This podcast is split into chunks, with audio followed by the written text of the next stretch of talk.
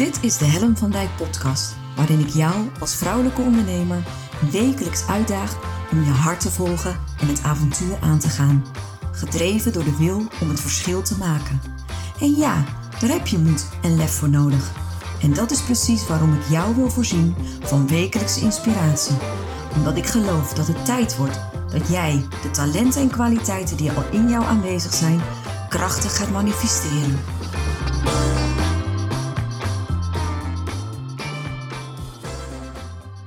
Hey hallo, wat leuk dat je weer luistert naar een nieuwe aflevering van de podcast. En vandaag een hele bijzondere uh, aflevering, want uh, bij mij is uh, Saskia Brakenhoff. Zeg goed toch, Saskia? Ja. En ik ga je even kort introduceren hoe wij op elkaars pad zijn gekomen. ik volgde Saskia al een tijdje op LinkedIn en ik vond het een inspirerende ondernemer.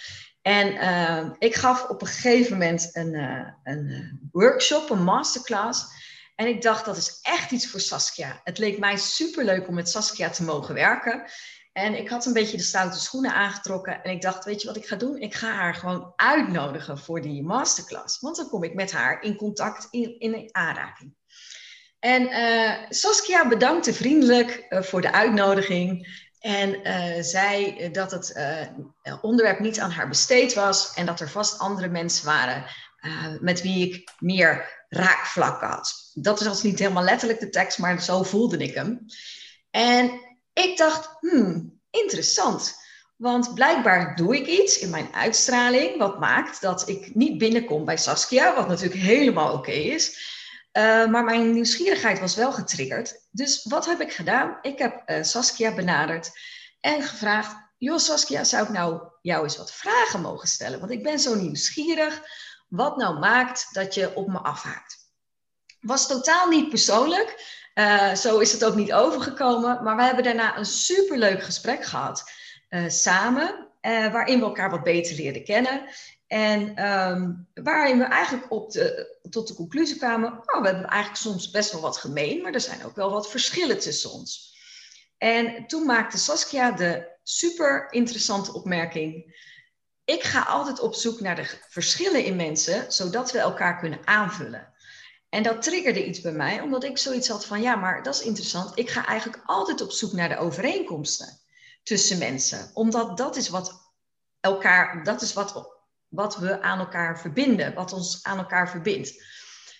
En toen bedachten we, zou het niet leuk zijn om daar eens een podcastaflevering over op te nemen, waarin wij elkaar, want we kennen elkaar niet goed, we hebben elkaar slechts één keer gesproken, waarbij we wel het gevoel hadden, er is een wederzijdse klik. Laten wij nou eens op verkenning gaan. Wat zijn nou die verschillen en wat zijn nou onze overeenkomsten? Uh, en zo gezegd, zo gedaan. En uh, dus vandaag zitten we bij elkaar via Zoom uh, om deze podcast op te nemen. We gaan volledig freestyle. Dus we gaan gewoon met elkaar in gesprek, elkaar dus beter leren kennen. En uh, kijken van waar liggen nu uh, in, in onze business, maar misschien ook op het persoonlijke vlak, waar liggen nu onze overeenkomsten en onze verschillen? En um, nou, jullie kennen mij al wat langer. Als je vaker naar de podcast luistert, misschien luister je nu voor het eerst, zou natuurlijk ook kunnen. Uh, maar Saskia is echt nieuw.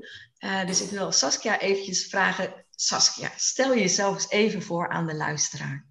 Ja, dankjewel. Wat een uh, leuke intro. Want ik schiet eigenlijk wel in de lach om mijn eigen nuchterheid in, uh, in reactie naar jou toe. Uh, wie ben ik? Ik ben, ehm, ik noem mijzelf een executive business assistant maar meer eigenlijk een jack of all trades. Want wat ik doe is de, de manager of bedrijven ondersteunen en dat op een zo breed mogelijk gebied. Dus ik ga niet voor het klassieke secretariële, maar ik kijk echt welke behoefte is er? Moet ik meesparren? Um, heb je behoefte aan een ja, andere tool, andere inzet? Um, moet ik echt werk uit handen nemen of juist niet? Moet ik het automatiseren? Ik vind alles eigenlijk wat op mijn pad komt, maar wel op ondersteuningsgebied. Uh, dat vind ik fantastisch. Ik ben iemand die graag achter de schermen werkt. Cool. En dat doe ik inmiddels. Uh, uh, nou ja, ik, ben, ik, ben, in aanloop naar mijn tienjarig bestaan als ondernemer. Wow. Op 1 januari 2022 ben ik één jaar ondernemer. Of uh, één jaar, tien jaar, goed zeg. Ik, haal, ik, haal, meteen het nulletje eraf. Uh, ben ik tien jaar ondernemer? Ja, daar wil ik iets mee gaan doen. Ik weet nog niet wat. Het jaar is gelukkig nog niet om, dus, uh, dus daar gaan we over nadenken. Maar als ik kijk naar het verschil van, van toen en nu, dat is wel ontzettend leuk. Hoe je kunt groeien als, als ondernemer. En, en als je het vergelijkt tussen toen en nu, in welk opzicht ben je gegroeid? Um, laat ik zeggen dat toen ik zelfstandig werd, ik niet meteen ondernemer was. Natuurlijk zit het ergens wel in je bloed. Maar ik ben wel, um, ik, ik, ik, ben vanuit een uh, bestaande functie gekomen. Ik raakte boventallig bij, uh, bij uh, nou ja, de ABN AMRO, kunnen we gewoon hardop zeggen. Mm. Um, dat vond ik fijn, dat klinkt een beetje gek, maar ik had altijd al de kriebels om zelfstandig te worden. En toen kon ik echt zelfstandig zijn. Maar ik probeerde dat heel erg vanuit die werkvloer over te nemen. Dat kan natuurlijk niet. Je bent op afstand. Ik, ik ben nooit virtueel assistent geweest. Ik ga dat ook nooit worden, want ik, ik wil niet virtueel zijn. Ik wil graag die flexibiliteit bieden. Dus naar de klant toe wanneer het nodig is. En um, op het moment uh, dat ik ga uitvoeren, dat kan ik gewoon achter mijn eigen bureau, mijn eigen kantoor doen. Maar ik heb toen nog niet echt die gouden sleutel gezien. Dus ik, ik kwam heel erg vanuit die sfeer van ja, je zit midden in de kantoortuin en je krijgt het op je bureau aangeleverd. Ja. En dan moet je breder gaan kijken. Dan moet je zelf assertief zijn, uh, zichtbaar zijn terwijl je onzichtbaar bent. Dat eigenlijk. En dat heeft me gewoon in de loop der jaren ja, heel veel inzichten gegeven. Maar er is ook zoveel op mijn pad gekomen. Uh, weet je, de vrijheid die je ineens proeft. Eerst, eerst ben je nog, ja, toch nog in dienst voor je gevoel mm-hmm. bij je, je eerste opdrachtgever. Nou, die kan je echt alles vertellen tot de kleur van je schoenen aan toe bewijzen van. En nu voel ik me echt een vrije ondernemer die ook kijkt naar de keuze van, van klanten. Niet altijd, want ik bedoel, je hebt ook wel eens natuurlijk heel simpel je omzet nodig om je schoorsteen te laten roken. Maar ja, ik durf echt wel te kijken naar, uh, past een klant wel of niet bij mij? En als het echt niet gaat passen, ja, dan denk ik dat ik ook de, de, de potentiële opdrachtgever alleen maar help door te zeggen, dit gaat er niet worden. Jij moet iemand zoeken die wel bij je past. En, en hoe maak je die afweging? Is dat een, uh, want dan wordt die interessant, hè? Is dat een afweging die jij op je ratio maakt of maak je die intuïtief? Intuïtief. En, en die maak ik heel snel. intuïtie ontwikkeld? Wat, wat maakt het? Um, vind ik een hele lastige. Ik denk dat dat uh, vanuit mijzelf als mens komt. Dat heeft niet per se met het ondernemerschap te maken. Het is gewoon het pad wat je hebt bewandeld, de ervaring die je meebrengt, de gebeurtenissen in je leven. Uh, dat maakt dat je met een bepaalde blik naar nieuwe uh, mensen, nieuwe relaties kijkt. Ik vind het heel erg, maar ik kan echt bij een eerste blik denken: gaat het niet worden. En het gaat hem ook niet worden. Ik durf alleen niet te zeggen of dat dan is ingegeven door wat jouw intuïtie al zegt. Mm-hmm. Of dat het is ingegeven door, nou ja, echt gewoon op dat gevoel kunnen baseren. Of het had hem echt niet geworden, wat dan ook. Maar ik, ik heb ook wel geprobeerd in de afgelopen jaren om dat wel eens om te buigen. Om te denken, nee, nu een mm-hmm. keer niet op gevoel, ga op ratio. En het gaat altijd mis. Wauw. Als ik op gevoel ga, dan klopt het. En daar durf je dus op te vertrouwen? Ja, 90 procent. Ja. Omdat ook ik maar mens ben. En omdat ook ik. Ja, precies. tuurlijk gaat het wel eens mis. Of tuurlijk doet iemand zich wel eens anders voor die je in het leven ontmoet. En ja, dan. Uh, en misschien is er dan toch dat onderbuikgevoel geweest achteraf. Maar dat komt dan achteraf. Het is echt niet zo dat ik een of andere heilige geest ben die door iedereen heen kijkt. Nee. Blij toe. Ik ja. hoef ook niet altijd alles op voorhand te weten. En het is wel mooi dat je zegt van ik kan me dus laten leiden door mijn intuïtie. Ja. Want ik, toen je zei van ik vind het wel grappig in de inleiding wat ik zei van jouw ratio. Ja. Wat, wat, wat maakt dan dat je jezelf typeert als ratio mens? Want dat heb je in ons vorige gesprek ook gedaan, dus dat herken ik. Dat je daarmee naar buiten treedt, zeg maar. Maar dit klinkt vrij intuïtief. Ja, dat is absoluut waar. Ik durf uh, op mijn gevoel te vertrouwen als het om uh, omgang met mensen gaat. Moet ook eerlijk zeggen dat het echt in het verleden ook wel verkeerd is gegaan hoor. Maar dan, ja, dan nog, um, weet je, mensen kunnen veranderen. Ook, ook mhm. binnen relaties. Dus het is niet altijd zo dat je eerste indruk per definitie fout is geweest. Maar het pad is gewoon anders gegaan. Ja. Dus in die zin durf ik echt wel dat gevoel toe te laten. Um, ik ben alleen, ja, ik, ik denk dat het ook uh, mede wordt bepaald uh, uh, in, in waar staat je wieg en hoe is je opvoeding geweest. Bij mij is nuchterheid wel met de paplepel en flessen tegelijk ingegoten, vrees ik. en ik, ik voel me daar ook wel ontzettend goed bij. Dus in die zin probeer ik ook wel enorm te relativeren. En ja, soms ook wel tot groot ergernis van mezelf. Want dan denk ik, mens, kappen nou weet je, het wordt nu wel heel erg relativerend Mhm. of ehm, altijd maar ergens die, de, de motivatie weer uithalen of positief denken, maar wel gewoon ja, heel realistisch zijn. En, en Mm. dat- dat, dat is dat stuk ratio in me. Dat, dat gewoon simpelweg denk, ja, ik kan nu wel op gevoel baseren. Zeker zakelijk gezien. Maar ehm, ja, dat gaat niet altijd. Soms Nee. moet je ook gewoon letterlijk even cijfers naast elkaar leggen of feiten naast elkaar. En daarop baseren. Ja. Dus dat is ook een kracht van je. Dat, daar, daar ga je ook voor staan, die nuchterheid en, en die, die, eh, het relativeren hoor ik daar ook in, eh, in terug.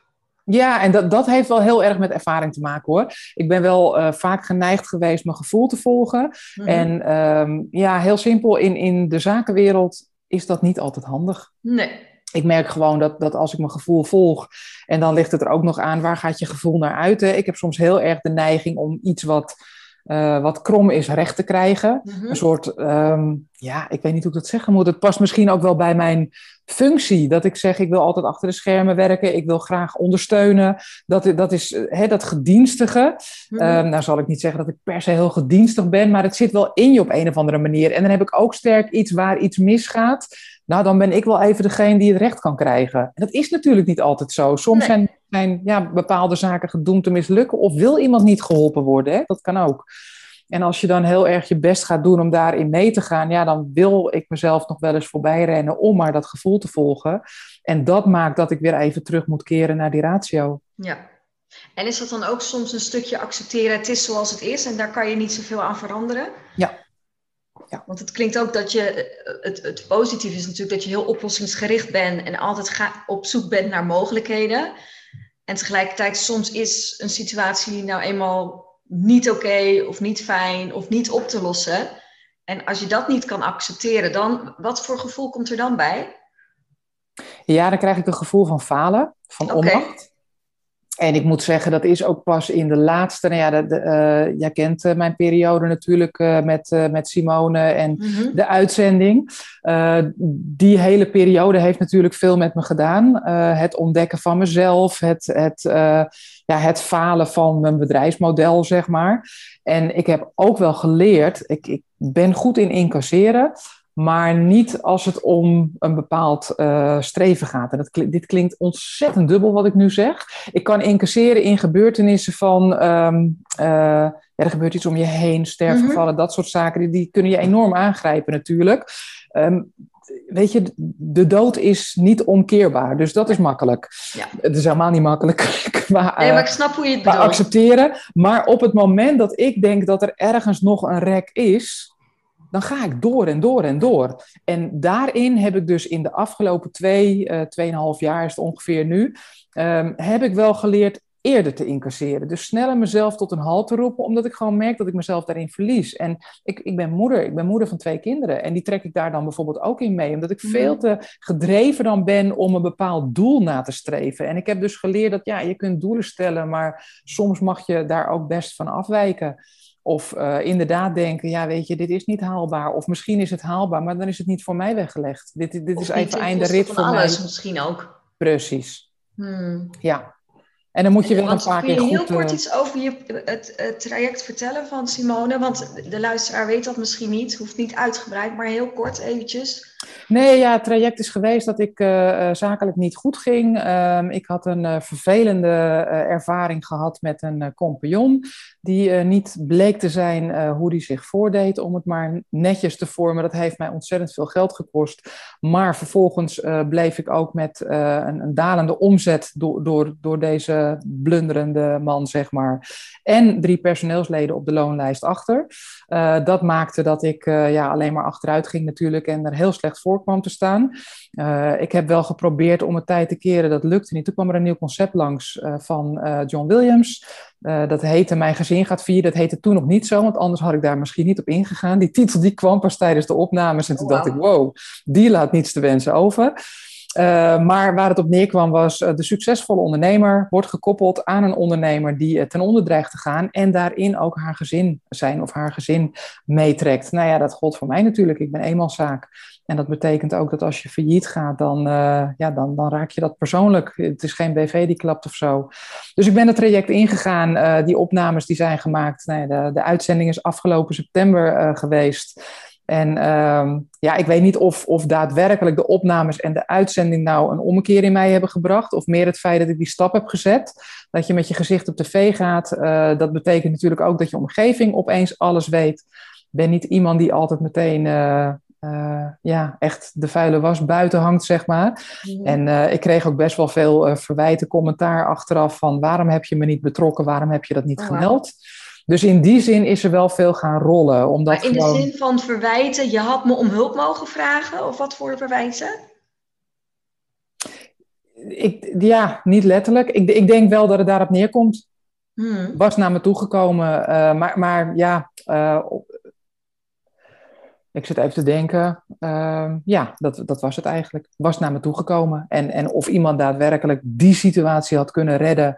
Of in ieder geval mij eerder had kunnen stoppen. Dat, dat weet ik niet. Nee. Maar ik heb het erg eh, bij mezelf gehouden, stuk schaamte. En daar, daar kom je weer. Ik moest van die koers afwijken. Ik wilde bijvoorbeeld het personeel niet zomaar laten gaan. Uh, dat bleef ik vasthouden. En uh, dat, dat, dat is een, voor mij was dat een moment van falen. Terwijl ik ook had kunnen denken: oké, dit is een moment in mijn leven waarop mijn pad anders moet. Het is niet gelopen zoals het moest lopen. Iemand heeft, nou, over lopen gesproken, loopje met mij genomen. Uh, en, en loopje is dan heel zacht uitgedrukt. Maar um, ik had beslissingen moeten nemen. En, en als je in zo'n situatie terechtkomt en daar zo ja, gevoelsmatig toch wel voor gestraft wordt, dan, um, ja, dan leer je wel en snel. Ja. Leerschool kun je, kun je gewoon niet bedenken. Ik bedoel, dat, dat komt zo. En, en het komt hard aan en je trekt er heel veel mensen in mee. Want ook voor het personeel natuurlijk. Superleuk dat jij een werkgever hebt die jou probeert te redden. En die alles voor je wil doen. Maar dat maakt ook dat je commitment misschien veel te hoog wordt. Omdat je niet meer durft op te zeggen. Bij wijze van terwijl jouw toekomst ook onzeker is. Ja. Nou, over gezin gesproken. Ik trok mijn kinderen daar natuurlijk in mee. Want we kwamen in een hele vervelende periode. Uh, het, het, ging mij ook medisch raken. Ik ben in het ziekenhuis gelegen. Omdat ik gewoon de stress uh, niet kon handelen en mega migraines kreeg. Ik, ben migrainepatiënt. Nou ja, als je dan stress hebt, dan uh, een, een mooie vuurtje kan je niet bedenken. Dus ja, weet, nou ja, wat ik zeg, leerschool te over. Mm. En dan ga je, dan ga je wel relativeren. Wat is je grootste inzicht, als je zo terugkijkt, wat is dan je grootste inzicht? Uh, durven toegeven dat uh, een lat te hoog ligt.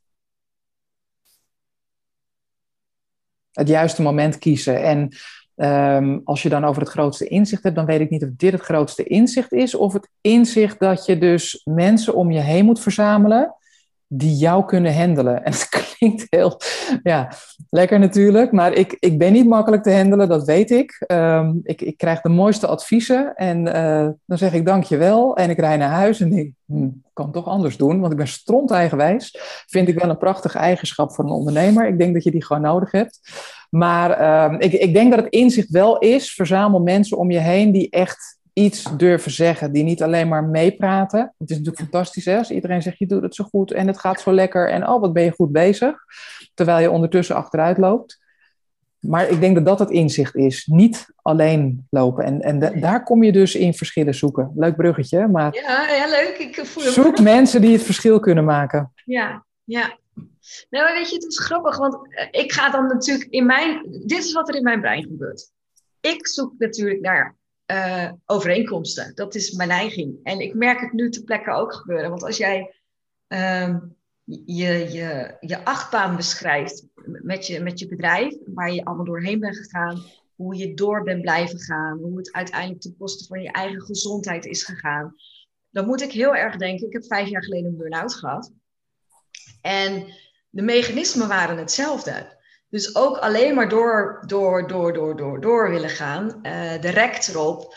Uh, achteraf denken van ik had veel eerder aan de rem moeten trekken. Want ik ben veel te ver doorgegaan uh, over mijn eigen grenzen heen. Dat ging ook ten koste van mijn relatie, die overigens daar bovenop is gekomen. Dus daar ben ik wel heel dankbaar voor.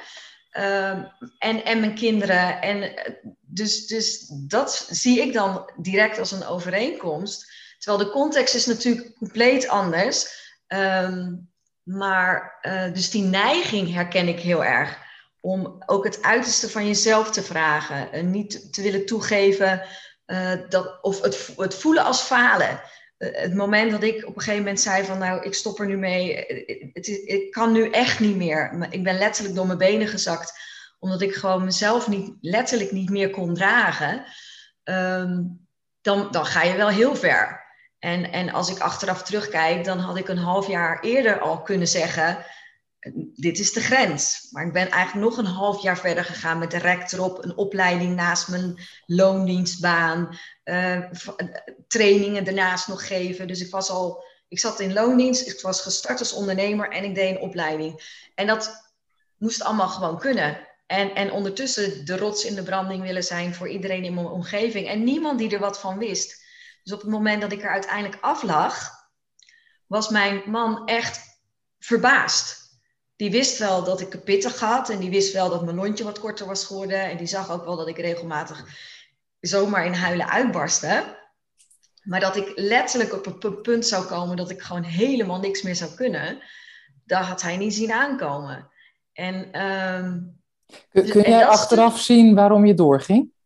Ja, altijd alles zelf doen. Ik, ik, ik was gewend om dingen alleen op te lossen, zelf te doen. Uh, ik kende niet anders dan dat ik direct op mijn eigen grenzen zette. Dus, dus grenzen, weet je, mensen zeggen je moet leren je grenzen aangeven. Ik zei dan altijd grenzen, ik voel geen grenzen. Moet je wel weten waar ze liggen. Ik, ik voelde ze niet, dus ik kon ze ook niet aangeven. Ik had altijd zoiets van, ja, alles wat op mijn bord komt, dat kan ik handelen. Dus, dus, dus die, dat hele principe, dat kende ik niet. En, um, en het is dus ook niet, ik, achteraf gezien denk ik, ik was gewoon een soort van denderende sneltrein die niet anders kon dan uit de bocht vliegen. Ik bedoel, dit was de enige manier om mij tot stilstand te brengen, was gewoon letterlijk dat het niet meer verder ging. Omdat ik het zo gewend was om een schepje erbovenop te doen, om me maar te willen bewijzen, om te laten zien dat ik het allemaal wel kon. Ook gewoon niet willen, niet willen falen. En die drive, dat heeft me heel veel gekost. Echt, en ook ten koste van mijn, eigen gezin en, en, en mijn eigen gezondheid. Ja. Ja, die, die herken ik inderdaad enorm. Bij mij was het ook nog ingegeven door het feit dat ik uh, alleenstaande moeder ben. En mhm. natuurlijk hebben de kinderen ook een vader en uh, zijn die ook wel eens niet thuis. Maar het, het grote deel uh, zorg ik voor ze. Ja. en, en dan heb je heel erg ook het stuk onafhankelijk willen zijn. Want dan zijn er natuurlijk wel de enkeling aan wie je vertelt dat je het even niet trekt. Of dat het best veel is die zegt, ah, ga dat lekker bij je ex halen. Een beetje, dat is, ook zo ben ik niet opgevoed. Dus ook met de paplepel ingegoten. Je moet voor jezelf kunnen zorgen, op eigen benen kunnen staan. Want dan ben je ook niemand iets schuldig. En dat, dat zit ook wel heel erg in me, dat ik het zelf wil kunnen. Dat, dat je om hulp vraagt, prima, maar je moet het ook zelf kunnen doen. Ja. Dus je moet niet per se afhankelijk zijn, laat ik het zo zeggen. Ja, en als je, dat, uh, als je die ingrediënten bij elkaar zet, ja, dan heb je al snel dat je in die red race zit, uh, zoals jij hem zo mooi beschreef. Ja. En ik zit er nog in hoor, moet ik heel eerlijk bekennen. Ik heb, dus er zijn, ik heb inmiddels um, wel door waar mijn grenzen liggen. Dat is dan wel fijn. Dat had ik toen niet. Mhm. Maar ik zit nog wel redelijk in die red race, omdat ik nog steeds niet, ik bedoel, dat klinkt natuurlijk wel mooi. Mensen denken, je bent met je neus op tv, dus uh, het is allemaal opgelost. Ja, ze staan met een camera voor je deur, maar niet met een zak geld natuurlijk. Dus je moet wel even, en dat is, dat is ook logisch. Ik heb steeds gezegd, ik begrijp dat ze niet langskomen om mijn bedrijf even poten te zetten en dan neem ik de, de schepte weer over. Dat gaat natuurlijk niet. Je moet het wel zelf doen, omdat je anders in diezelfde valkuilen blijft, uh, blijft stappen en het nooit gaat leren. Maar goed, dat maakt wel dat, dat, dat ik een drive heb om door te gaan. En ik wil gewoon heel snel um, van, van alle schulden af zijn. Ja. En gewoon lekker weer zelfs, echt zelfstandig kunnen zijn. Ja. En dat maakt dus dat op, op het moment dat je een hele duidelijke stip op de horizon hebt, dan, dan, dan ben je ook koersvast. Want dat, was, dat viel me ook op in ons gesprek uh, vorige keer. Dat, was ook letterlijk wat je zei. Ik kan nu niet veel afleidingen permitteren. Ik heb gewoon een doel. En dat doel ga ik bereiken. En daarna is er weer ruimte voor, nou ja, wat meer vrijheid, wat meer ja, losheid. Toch? Ja, nee, dat klopt helemaal. En, en dat, dat hoort ook bij die grenzen bewaken. Ik ben dan geneigd veel aan te nemen. En uh, weet je, zoals uh, uh, jij mij inderdaad het aanbod stuurde voor de masterclass ik had denk ik eh, twee jaar geleden geen nee durven zeggen. Iemand biedt hmm. mij iets aan. Ik mag kosteloos deelnemen. Dat is echt super aardig. Nou ja, dat heb ik je ook geschreven, geloof ik. Dat ik het ook echt super aardig en lief vond. Maar ik dacht nu van ja, maar ga, ga ik dan. Ik, ik probeer nu ook het plaatje om te draaien. Denk ik niet alleen voor mezelf, maar ga ik jou helpen als ik eigenlijk al weinig gemotiveerd ben, omdat het mhm. gewoon nu niet op mijn pad past. En daarin ben ik wel heel koersgericht, inderdaad. Dat ik denk van ja, maar als ik me ga laten afleiden, dat gaat hem niet worden. Want dan, kijk, ik, ik moet omzet maken. Ik, ik moet gewoon uh, zorgen dat ik uh, die financiële middelen binnenhaal. Dus als ik iets extra's doe, dan is het ook letterlijk extra. En dat betekent dat mijn dagen nog langer worden. Ja. En dat maakt dat ik over mijn grenzen ga. Want dat kan ik gewoon dan, nou ja, niet, niet alleen lichamelijk, maar dan heb ik ook kinderen die zeggen: Mam, zit je alweer achter die uh, computer? Ja. Ja. Dat zeggen ze al met regelmaat. dan denk ik, ja, laat ik daar dan niet nog een uurtje bij gooien. En dan kun je zeggen, het is maar een uurtje. Ja, dat klopt, maar als ik iets doe, wil ik het altijd wel goed doen. Dus je wilt je voorbereiden, je, wil, hè, je denkt er nog even over na. Er komen misschien weer dingen uit die je gaat opzoeken en doen. Dus ja, ik, ik vind het wel belangrijk. En weet je, dan zeg ik, want dan zeggen mensen, oh, je werkt nog steeds zo hard. Zeg ik, ja, maar dat is niet erg. Als je maar weet waar je het voor doet. En jij zegt, net die stip op de horizon.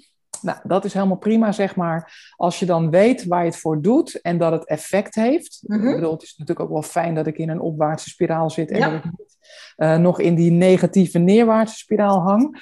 Dus, dus in die zin, ehm, ja, weet je, hard werken, daar, daar zeg ik altijd, wordt niemand slechter van. Dat, dat, is het, dat is de ramp niet. Maar de stress die je hebt en als je niet weet uh, wat je doel is, als je geen ja, geen pad hebt. Uh, nou, voor mij betekende dat uh, geen, geen, uh, geen omzet, geen zicht op klanten en een schuld. Nou, dat vond ik best wel een dingetje. En ook geen strategie over hoe daar te komen, omdat mijn hoofd zo vol zat en ik gewoon niet wist wat ik moest doen. En nu weet ik dat wel. En nu zijn er klanten en nu word ik zelfs ook spontaan gebeld. kun je iets voor me doen? En ik, oh ja, hier zit ik al tien jaar op te wachten. Dat, dat ik niet, niet zelf acquisitie doe, maar dat iemand mij belt en gewoon vraagt of ik iets wil doen. En dat, dat is super fijn. Maar dan, dan heb je minder stress en dan is hard werken niet erg. En als je dan je koers durft te houden. En jouw reactie was gewoon ook uh, super gaaf, kan niet anders zeggen. Ja, maar dat vind ik dan weer heel leuk. En dan maak ik hier weer tijd voor, omdat ja, dit, dit, dit brengt wel iets. Ja, dit vind ik dan weer een, iets, iets anders. En dit, dit is een stukje ontwikkeling ook in mijn ondernemerschap. Van durf je wel open te stellen voor een andere mening, voor andere mensen. En ja, ik, dat, dat hoort gewoon ook bij mijn hele leercurve, denk ik. Um, het, het nee durven zeggen, ook gewoon heel duidelijk in waarom niet. Twee jaar terug had ik dan misschien, als ik nee had durven zeggen, had ik gezegd: ik heb geen tijd. Ja. En nu dacht ik, ja, dan kan ik lekker zeggen: ik heb geen tijd. Straks zeg ik: ik doe hem volgende week wel. Ja. Dan weer zeggen. Er nog mee. ja, precies. Nou, dus en, eh, jij triggerde mij juist met je, met je ontwapenende reactie. Want ik dacht, ah, heerlijk. Weet je, iemand die gewoon dat ook teruggeeft. En het triggerde mijn nieuwsgierigheid. Dus, dus zo zie je dus hoe dingen kunnen ontstaan op het moment dat je dus heel dicht bij jezelf blijft. Want dat is wat je deed. Je bent, je, je bent ehm, eh, trouw gebleven aan jezelf door te reageren zoals je reageerde. En dat, dat vond ik juist zo leuk. Want anders, weet je, ik, ik kan prima afwijzingen hebben. En het, maar juist de manier waarop je reageerde triggerde mij. Want dat vond ik super leuk en inspirerend. Dat ik denk, oh wauw, iemand die gewoon ook echt... En die oprechtheid, ik denk dat die oprechtheid mij triggerde. Om, daar hou ik van. Weet je, mensen die er niet omheen draaien. En, ehm, en eigenlijk, als ik er nu over nadenk, jou, het heeft veel meer aangezet. Omdat ik me realiseerde, ik ben eigenlijk ook best wel ratio. Alleen, ik heb sinds mijn burn-out juist dat hele gevoel leren ontwikkelen. En heb ik mee leren dealen. Want wat ik daarvoor deed, is ik hield dat gevoel er continu onder. En ik was helemaal niet gewend om met gevoelens om te gaan. Want nou, die, ik was mijn ratio. Mijn ratio was mijn anker. En daar deed ik alles op. En weet je, dat, dat was mijn, nou ja, wat ik zeg, mijn anker. En ehm, ik ben ook wel van cut to crap. Weet je, ik hou ook wel van recht toe, recht aan. En dat zijn uiteindelijk ook uh, klanten met wie ik graag zou willen werken. Dus, dus toen jij mij eigenlijk een soort cut to crap antwoord gaf, vond ik je nog leuker. en had ik zoiets van, ja, maar dan wil ik er ook nog toch wel iets meer over weten. Dus, en het grappige is, want ik ben in mijn, en daar hebben we het natuurlijk ook wel over gehad in dat gesprek ik ben natuurlijk ook van de mindfulness. Ik ben ook van uh, het weg, niet het wegademen, maar ademen, in het moment zijn, vertragen, verstillen. En, uh, en eigenlijk ben ik een beetje, nou niet een beetje, ben ik heel erg van beide. Dus, dus die twee uitersten die zitten in mij. En het is maar net wat de ander nodig heeft, waar ik op kan afstemmen. Dus als je het hebt over dienstbaarheid, hebben we weer een overeenkomst. Ehm, denk ik dat ik onwijs dienstbaar kan zijn aan de mensen met wie ik werk. Dus als jij een uh, cut-to-crap houding nodig hebt, als, stel dat, uh, het is weer geen acquisitie, maar stel dat jij een coach zou zoeken die af en toe gewoon zegt, hé hey Saskia, kom op, uh, niet, niet lullen maar poetsen, ga eens even door. Dan zit dat in me. Maar als het gaat over meebewegen en af en toe even gevoelens te laten zijn en daar ruimte voor, um, kan ik dat ook. En ons gesprek heeft er weer toe geleid dat ik verschillende podcastafleveringen daarna heb opgenomen over die dualiteit in mij. En daar ook blogs over heb geschreven. Omdat ik zoiets had van, maar dat is toch best bijzonder. Weet je, als ik met jou spreek, dan kunnen we redelijk in die nuchterheid zitten. Kan ik ook heel makkelijk in die nuchterheid zitten. En als ik een uur later iemand tegenover me heb die veel meer in die uh, in gevoelswereld hangt en daar uh, iets mee wil of mee moet, kan ik dat eigenlijk net zo gemakkelijk. Ja, dus, maar dat is een enorme kracht. Nou, dat was uiteindelijk mijn conclusie. Ja. Want ik denk, ja, wat, en, en wat, wat, wat, wat, wat ik grappig vond, ik ben dus moeilijk in een hokje te plaatsen. Want ik kan niet alleen maar cut zijn. Ik kan niet alleen maar die nuchtere Van Dijk zijn en zeggen: jongens, dit gaan we doen. Maar ik ben ook die zachte kant. Ik ben ook die vertraging. En ja, dat zal qua branding en qua positionering van mij als coach misschien wat lastiger zijn.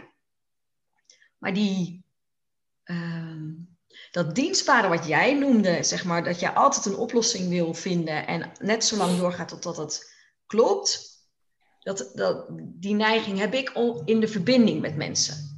Zeg maar. Dus ik kan heel goed afstemmen op wat ik denk dat de ander nodig heeft en daar faciliterend in zijn. Ja, weet je, ik hoor je zeggen uh, verschillende doelgroepen. Ik, ik denk altijd dat je, uh, dat je voor meerdere doelgroepen inzetbaar kunt zijn, maar dan moet je ook meerdere boodschappen verspreiden. En bijna vanuit een ja, andere branding bedoel ik niet dat je een totaal andere bedrijfsnaam moet kiezen of zo, dat is onzin. Maar dat je, dat je het op een of andere manier wel gescheiden houdt. Kijk, je kunt, um, jij zei zo grappig, ik, ik zoek um, uh, het soort vrouw dat jij bent om uh, uit, uit die red race te halen. Of dat, dat zei je niet mhm. letterlijk, maar daar kwam het ongeveer op neer. En ik denk dan heel nuchter, oh nee, maar als je dus met deze doelgroep aan het werk wil, dan moet je misschien daar een ander concept op loslaten. En juist niet op deze. Maar goed, dat heb je later in je blog al. Eh, die heb ik uiteraard gelezen. Heb je dat al uh, verwoord? Van uh, ik heb de verkeerde titel gekozen of, of de verkeerde omschrijving. Want ik denk inderdaad dat je, dat je dan wel moet kijken naar. Ja, weet je, als, als je dus inderdaad down to earth kunt zijn. En ook daarin goed of de juiste coach kunt zijn. Dan moet je dat op een andere manier brengen. Ja. Andere benadering kiezen en, en misschien meer in de rol van je doelgroep gaan staan. Om te denken, wat zou ik nodig hebben of wat zou me afstoten? En misschien is dat nog wel belangrijker. Niet zozeer van wat zou ik nodig hebben. Dat is vaak heel moeilijk kiezen voor een ander. maar je zou wel kunnen denken, wat zou me afstoten? En dat vooral weglaten. Ja. That's it. Ik denk dat je dan gewoon de prima benadering hebt voor die doelgroep. Ja. Als, als ik, tenminste, ik praat vanuit mezelf natuurlijk. Nee, hè, maar... Ja, nee, maar dat was natuurlijk ook waarom ik geïnteresseerd was in, in, in jou ook als persoon. Uh, en dat is ook wel mijn manier van werken. Ik bedoel, als ik iets boven water, als ik helderheid wil hebben, ga ik ook op zoek. Dus dan, ik heb heel veel gesprekken gehad ook de afgelopen periode, omdat ik gewoon echt wil snappen van ja, maar wat, wat, wat heb ik nou te bieden en in welke verpakking um, komt dat nou het beste aan? Weet je wel? Wat, en, en niet om een trucje te worden, want dat kan ik niet. Daar ben nee, maar dat werkt ook niet. Ik, ik, vind een coach werkt met mensen en dan kun je niet met trucjes werken. Nee. Want elk mens is anders. Weet je, bij, bij, mij triggert het gewoon niet als iemand zegt onthaasten. denk ik, dat maak ik wel even lekker zelf uit. Want ik zit nu op een pad, ik heb haast en als ik die trein moet halen, dan ga ik hem halen. Ja. dan kan iemand zeggen, ja, dat is niet, er gaat, over een half uur gaat er nog een trein en we kunnen best even met elkaar praten. Nee, want ik wil die trein halen. Dat is mijn doel voor vandaag. Dus ja, weet je, dat, maar, maar dat is wel, dat, dat maakt niet meteen natuurlijk dat een hele doelgroep hetzelfde denkt. Dat maakt dat ik zo denk. Dus, dus mij stoot je daarmee af. En ik denk dat je op die manier ja, um, um, voor jezelf moet gaan bepalen wat zijn woorden die kunnen afstoten mm. of wat wil iemand juist niet. En, en wat kan ik vragen om, uh, om erachter te komen waarom iemand dan niet wil onthaasten? Dat is ja. ook een optie, hè? Ja, Om daarin te kijken wat je voor iemand kunt betekenen. Ja. En het is grappig, want eh, weet je, we hebben het steeds over nuchterheid en, en niet willen onthaasten. Maar ik, ik ben wel degelijk, de mensen die echt dicht bij mij staan, die weten, ik ben echt wel ook een gevoelsmens. Ook ik ben echt beide. Maar um, ik heb gemerkt dat dat uh, in, in mijn zakelijk leven. Ik, ik zeg altijd, ik, ik ben wie ik ben mensen hebben ook wel eens gevraagd: praat ik met, uh, met Saskia de, de mens of met Saskia de ondernemer? Oh, zeg ik, huh? ik weet niet hoor, ik kan wel even uit mijn schoenen stappen. Maar volgens mij ben ik één. Ik ben wie ik ben. Ik ben en ondernemer en moeder en dochter en nou ja, noem maar op. Um, maar aan de andere kant heb ik wel gemerkt dat er een verschil is tussen je zakelijke leven en, en, ja, en je persoonlijke leven. En zakelijk heb ik gemerkt dat het mij gewoon enorm helpt om nuchter te zijn, om down to earth te mhm. blijven, om te relativeren en ook gewoon echt uh, omdat ik juist natuurlijk die neiging heb om door te gaan tot het gaatje, kan het slim zijn om dat wat uh, relativerender aan te pakken en eerder te stoppen daardoor. Maar uh, als, als ja, in privé ik kan ook wel heerlijk over dingen door filosoferen, over het leven, uh, bedenken hoe goed je het eigenlijk hebt. Ik bedoel, laten we naar het afgelopen jaar kijken hoeveel gezeur en gezeik er is geweest. Maar ik heb daar niet aan meegedaan.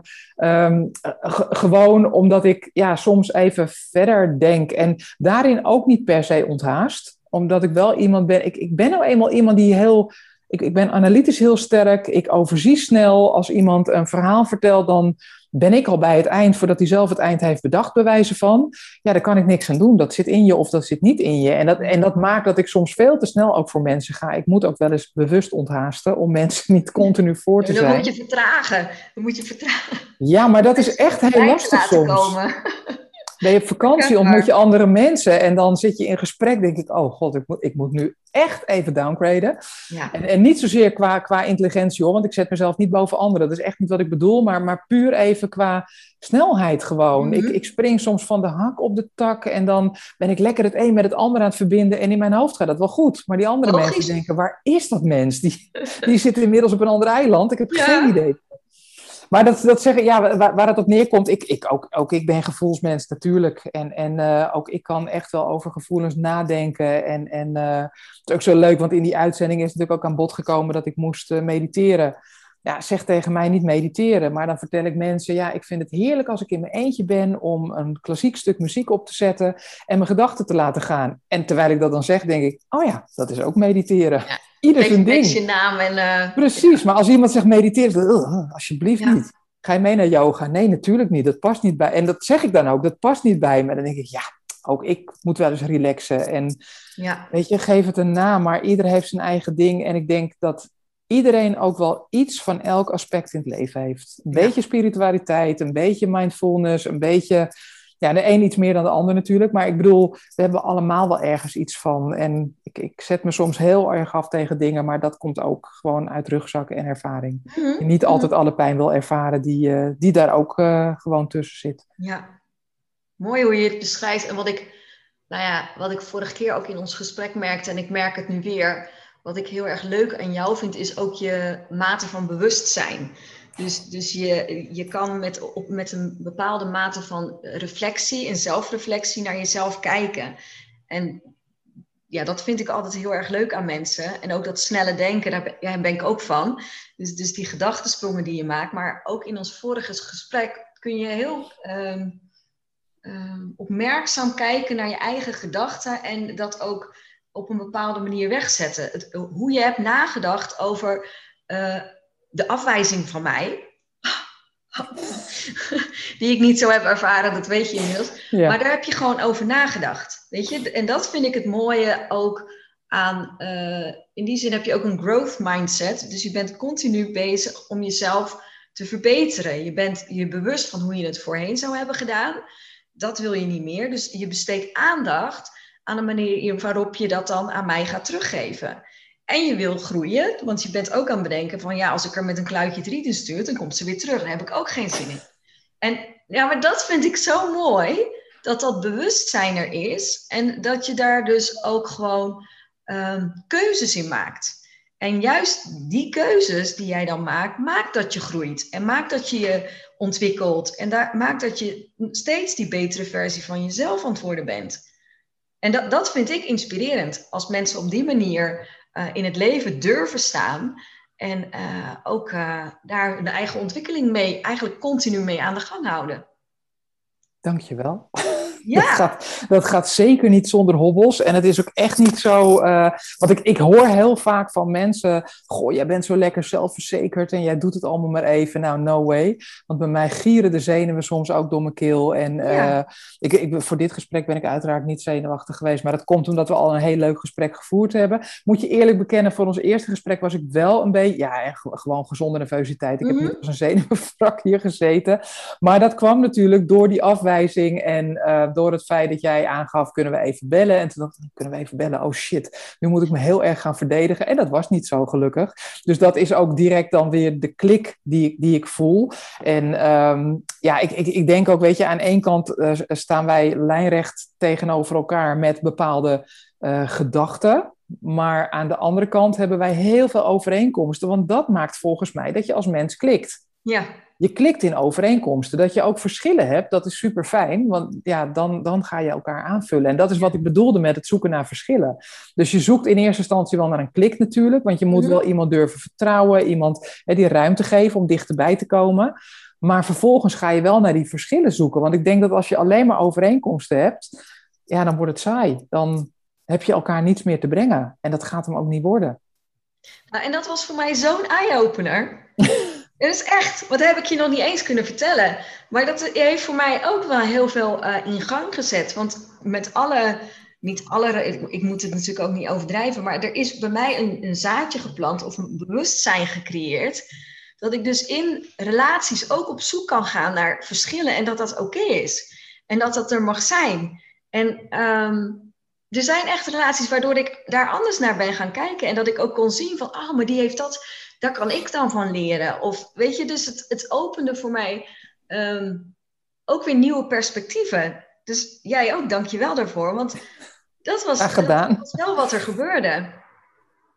En zo, zo ben ik echt van nature, ik ben van nature van harmonie. En ik wil alles maar uh, goed hebben. Dus ja, dan ga je automatisch sneller op zoek, denk ik, naar de overeenkomsten dan naar de verschillen. Terwijl jouw visie daarop en wat het je kan opleveren door het wel te doen, was voor mij uh, een trigger om dat toch eens te gaan uitzoeken. En uh, ja, eerlijk gezegd heb je daar gelijk in gehad. Oh, wat fijn. Ja, dus ik vind, ja, vond het super leuk. Ja. Ja, ik heb um, uh, ook, ook, die, ja, weet je, alles komt uit ervaring natuurlijk. Dat lijkt me simpel, dat hebben we allemaal. En, en uh, je denkt uh, op je twintigste dat je de wereld aan kan. En dan vraag je hier en daar een wat wijze raad. En dan blijkt dat levenslessen gewoon niet te leren zijn. Een levensles heet zo, omdat je dat door het leven ja, tot je moet krijgen. Die klinkt heel zweverig. Ik denk dat de mensen die mij kennen denken, wat, wat gaat die nu een, een, een pad op? Maar dat is, dat is wel hoe ik dat ervaar. En ik, ik probeer zelf ook bij jonge mensen uh, ik vind mezelf ook nog heel jong hoor. Maar goed, er zijn ook nog jongere mensen die wel al in het arbeidsleven zitten. Ik probeer zelf ook wel te, te, ja, te motiveren, een beetje sturing te geven als mensen daarom vragen.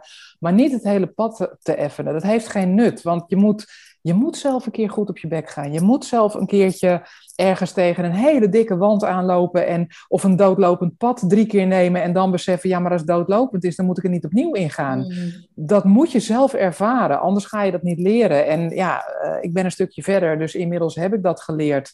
Um, ik, ik heb in het verleden ook gewoon, ook in samenwerking, heel sterk gezocht naar een, ja, een soort sterkere ik of zo.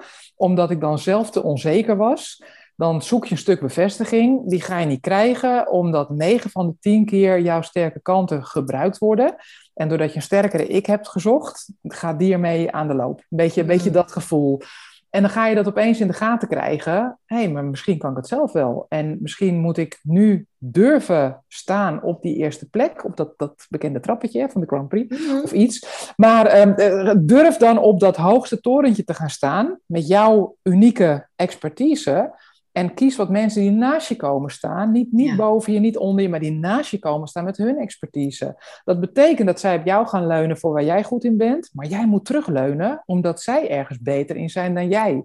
Ja. En toen ik dat in de gaten kreeg, en dat, dat zeg ik, dat is echt een, een pad van de afgelopen jaren. Dus dat is niet iets wat ik al honderd jaar uh, doe. En dat is heel onzeker in het begin hoor. En, en ja, echt dat je denkt van, dan ga ik het wel redden. En dan kun, je, dan kun je ook niet echt leunen op iemand. Hè? Je, je hebt geen terugval. Je kunt niet zeggen, nee, het lag niet aan mij, want. En dat is het misschien. Dat je, dat je op een of andere manier onbewust altijd zoekt naar, ja, maar ik deed het niet alleen, want ik had iemand boven mij gezocht. En nu moet je opeens zelf die verantwoording gaan tonen, maar je groeit ook binnen no time. En het voelt zo fijn, want op het moment dus dat je merkt dat anderen zeg maar, jou echt gaan waarderen. En, en uh, om, om, om nou ja, wat je kracht is, maar ook accepteren dat je bepaalde krachten niet hebt, maar dat zij je daarmee gaan aanvullen. Ja, weet je, dan, dan groei je. Dan ga je merken dat je nou ja, de hoogte ingaat. En dat doe je niet alleen. En ja, weet je, dat is natuurlijk een heel flauw spreekwoord wat overal gebruikt wordt. Uh, alleen ga je snel, samen kom je verder. Maar het is gewoon absoluut een feit. En daar ligt ook mijn struggeling natuurlijk. Want ik wil wel samen, maar dan wel zo snel als ik wil. Maar dat, is een dingetje, dat lukt niet altijd. Maar goed, dan ga ik liever wat langzamer, want ik heb wel ontdekt dat samen echt gewoon een stuk prettiger is. Wauw. Dat zeg je echt heel mooi. Dus ja, zo, zo, zo voelt het ook. Ja, nee. Ja. Ik, ik hoop ook dat, want um, uh, ik noem hem net al even kort, hè, het afgelopen jaar. Het is natuurlijk iets langer, maar die hele coronaperiode. Ik maak me niet zozeer zorgen om het virus. Ik maak me heel erg zorgen om de instelling van de mensen, om het egocentrische. Dat komt echt steeds meer naar voren. Mm. En het enige wat ik continu, nou, dan zit ik bijna wel als een zwever voor de televisie als ik weer iets zie, of, of voor een krant of nu.nl, denk ik, jongens, samen alsjeblieft, ga het samen doen. Ga niet continu tegen elkaar vechten. Het werkt niet. Ga elkaars kracht opzoeken. Ga elkaar ook niet afzeiken omdat je alleen maar iemand niet leuk vindt. Want dat, dat is wat je tegenwoordig ziet. Hè? We zijn alleen maar op zoek naar negativiteit. Niet in elkaars kracht. Nee, negativiteit. En waar komt dat volgens mij vandaan? Uit één grote bonk onzekerheid. Hmm. Want als je een ander lekker afzeikt, dan sta jij hoog op die toren. Dan ben jij perfect. Nou, dat is helemaal niet waar. Want dat is een waanbeeld natuurlijk. Maar ja, ik denk echt als we allemaal iets meer durven bekennen dat we ook in ons eentje niet de wereld aan kunnen. En dus, dus iets meer van die onzekerheid durven tonen. Ja, dan, dan ga je samenwerken en dan kom je gewoon veel verder. Maar goed, uh, ik kan dat nu heel hard gaan verkondigen vanavond in het 8 uur journaal. ik denk niet dat ik, ja, misschien niet druppel op die gloeiende plaat. Maar het, het ja, wat er gebeurt in de wereld bewijst voor mij steeds meer samen, samen, samen. Zoek die samenwerking. Ik denk ook wat het mooie is, uh, Saskia, dat het ook jouw levensles is. Hè? Ja. Dus als ik dit zo hoor en uh, helemaal aan het begin van het gesprek zei ook van dat je vooral verwijten kreeg. En toen stelde ik jou de vraag, zijn het dan verwijten of zijn het mensen die zeggen, joh, had bij mij aangeklopt, want dan had ik er voor je kunnen zijn.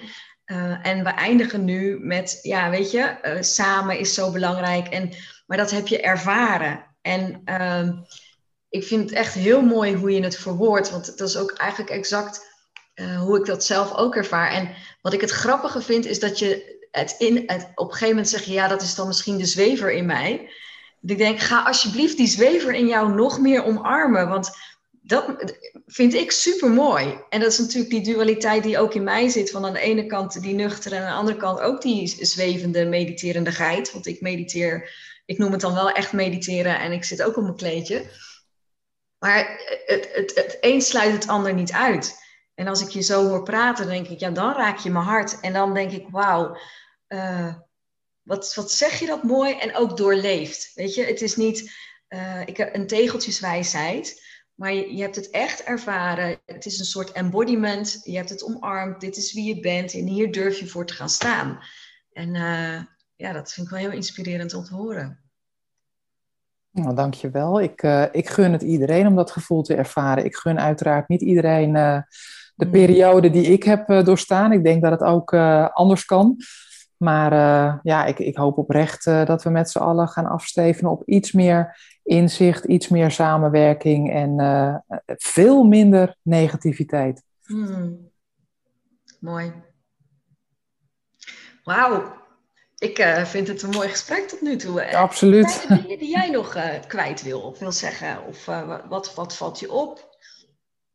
Nou, wat me opvalt is ehm, eh, wat ik eigenlijk net al aanhaalde. Hè, dat, ik, dat ik vaak, en dat is natuurlijk ook wie je wil zijn, wie je wil tonen, dat ik vaak echt als de nuchtere dodo wordt gezien. Vind ik ook helemaal niet erg trouwens, want dat is prima. Ik bedoel, dan weten ze ook, uh, je hoeft geen spelletje met het meisje te spelen. Dat is het ongeveer. Mhm. Maar aan de andere kant vind ik het ook wel heel prettig om, uh, weet je, zoals wij dit gesprek nu voeren, ja, daar voel ik me heel comfortabel bij. Dus ik, ik vind het ook wel fijn dat je, en dat hoeft ook niet met iedereen natuurlijk. Maar dat als die klikker is en als die opening er is, om toch wat dieper op zaken in te gaan. En dan merk ik wel dat het ook wel heel prettig is om je gevoel mee te laten hmm. tellen. En niet alleen maar heel zakelijk op je stoel te zitten. Mooi. Dus dat brengt mij ook wel weer uh, wat inzicht inderdaad van je kunt wel eens verder gaan. Ja, weet je, als het werk gedaan moet worden, dan ga ik wel in de nuchterheid, want dan moet het werk gewoon gedaan worden. Ja. En als ik van iemand uitleg wil over de opdracht en die begint een heel verhaal over, ja, weet ik veel, uh, ben je er klaar voor? En dan denk ik, ja, pst, de, leg nou maar uit wat ik moet doen. Ander, ja, Door. moet voor drie uur af toch? Nou, dat ga ik niet redden als we zo doorgaan. dat ongeveer. Ja. Maar, uh, maar nee, ik, ik, ik ervaar dit wel als heel prettig. En, en uh, dit is natuurlijk niet het eerste gevoelsgesprek wat ik voer. Uh, dus in die zin uh, merk ik wel dat ik me daar steeds meer voor openstel. Maar misschien is dat ook wel het. Nou ja, ik vind het altijd heel negatief klinken als ik zeg het ouder worden. Ik bedoel niet dat ik oud ben, maar ik bedoel met name gewoon, uh, ja, je komt verder in het leven en je wordt wat rijper, laat ik het zo zeggen. Het is een soort van verrijking. Ja, ik zeg tegen mijn moeder altijd, misschien ga ik ook een keer fietsen voor de lol, zoiets. Dan, dan word je echt oud. het zit er nog niet in. Dat vind ik altijd bij oud horen, dat je gaat filosoferen en, uh, en dan ga je fietsen. Ja. Uh, ja, voor de fun. Maar misschien heb ik het daar gewoon te druk voor. Geen idee. En misschien mogen die dingen ook gewoon naast elkaar bestaan. Ja, dat kan. En en, hè? Mooi. Nou, dat uh, komt dan vanzelf. Niet, niet te hard, hè? Daar hebben we het net over gehad. Wie, wie snel gaat, die... Nee, Hey, ik wil jou heel erg bedanken voor dit gesprek, Saskia. Ik vond het superleuk, ook je bereidheid daarin. En uh, ja, dankjewel. Superleuk dat je weer luisterde naar mijn podcast. Dankjewel. Nog even kort vier belangrijke dingen. Ben je geïnspireerd door deze podcast? Dan zou ik het heel leuk vinden als je mij laat weten wat je belangrijkste inzicht is. Of als je een vraag hebt, dan hoor ik het ook heel graag. Je kunt me bereiken via info.hellenvandijk.com. Wil je meer inspiratie? Zoek me dan even op op LinkedIn via mijn naam Helen van Dijk met een lange ei. Elke week lees je daar een nieuwe blog over vrouwelijk leiderschap, lef en het verschil maken. Leuk om daar te connecten. Het is mijn missie met deze podcast om jou te inspireren om met meer lef en je hart het verschil te maken in je onderneming. Het zou natuurlijk super zijn om nog veel meer vrouwelijke ondernemers te inspireren om het verschil te maken. En wil je me daarbij helpen? Dat zou mooi zijn. Geef me dan een review via de podcast-app waarmee je deze podcast luistert. Bijvoorbeeld iTunes, Spotify of Podcast Addict. Ga in de app naar het tapje Reviews en laat je recensie achter. Dankjewel. Ten vierde, wil je voortaan alle podcastafleveringen overzichtelijk onder elkaar? Abonneer je dan op deze podcast. Klik in je podcast-app op de button subscribe of abonneren. Elke keer als er een nieuwe podcastaflevering verschijnt, staat deze automatisch in je podcast-app. Tot slot vind ik het superleuk om jou te leren kennen of je te helpen als je een vraag hebt. Stuur je vraag of opmerking naar info.hellenvandijk.com of stuur me een persoonlijk berichtje via LinkedIn. Tot de volgende podcastaflevering. Doeg!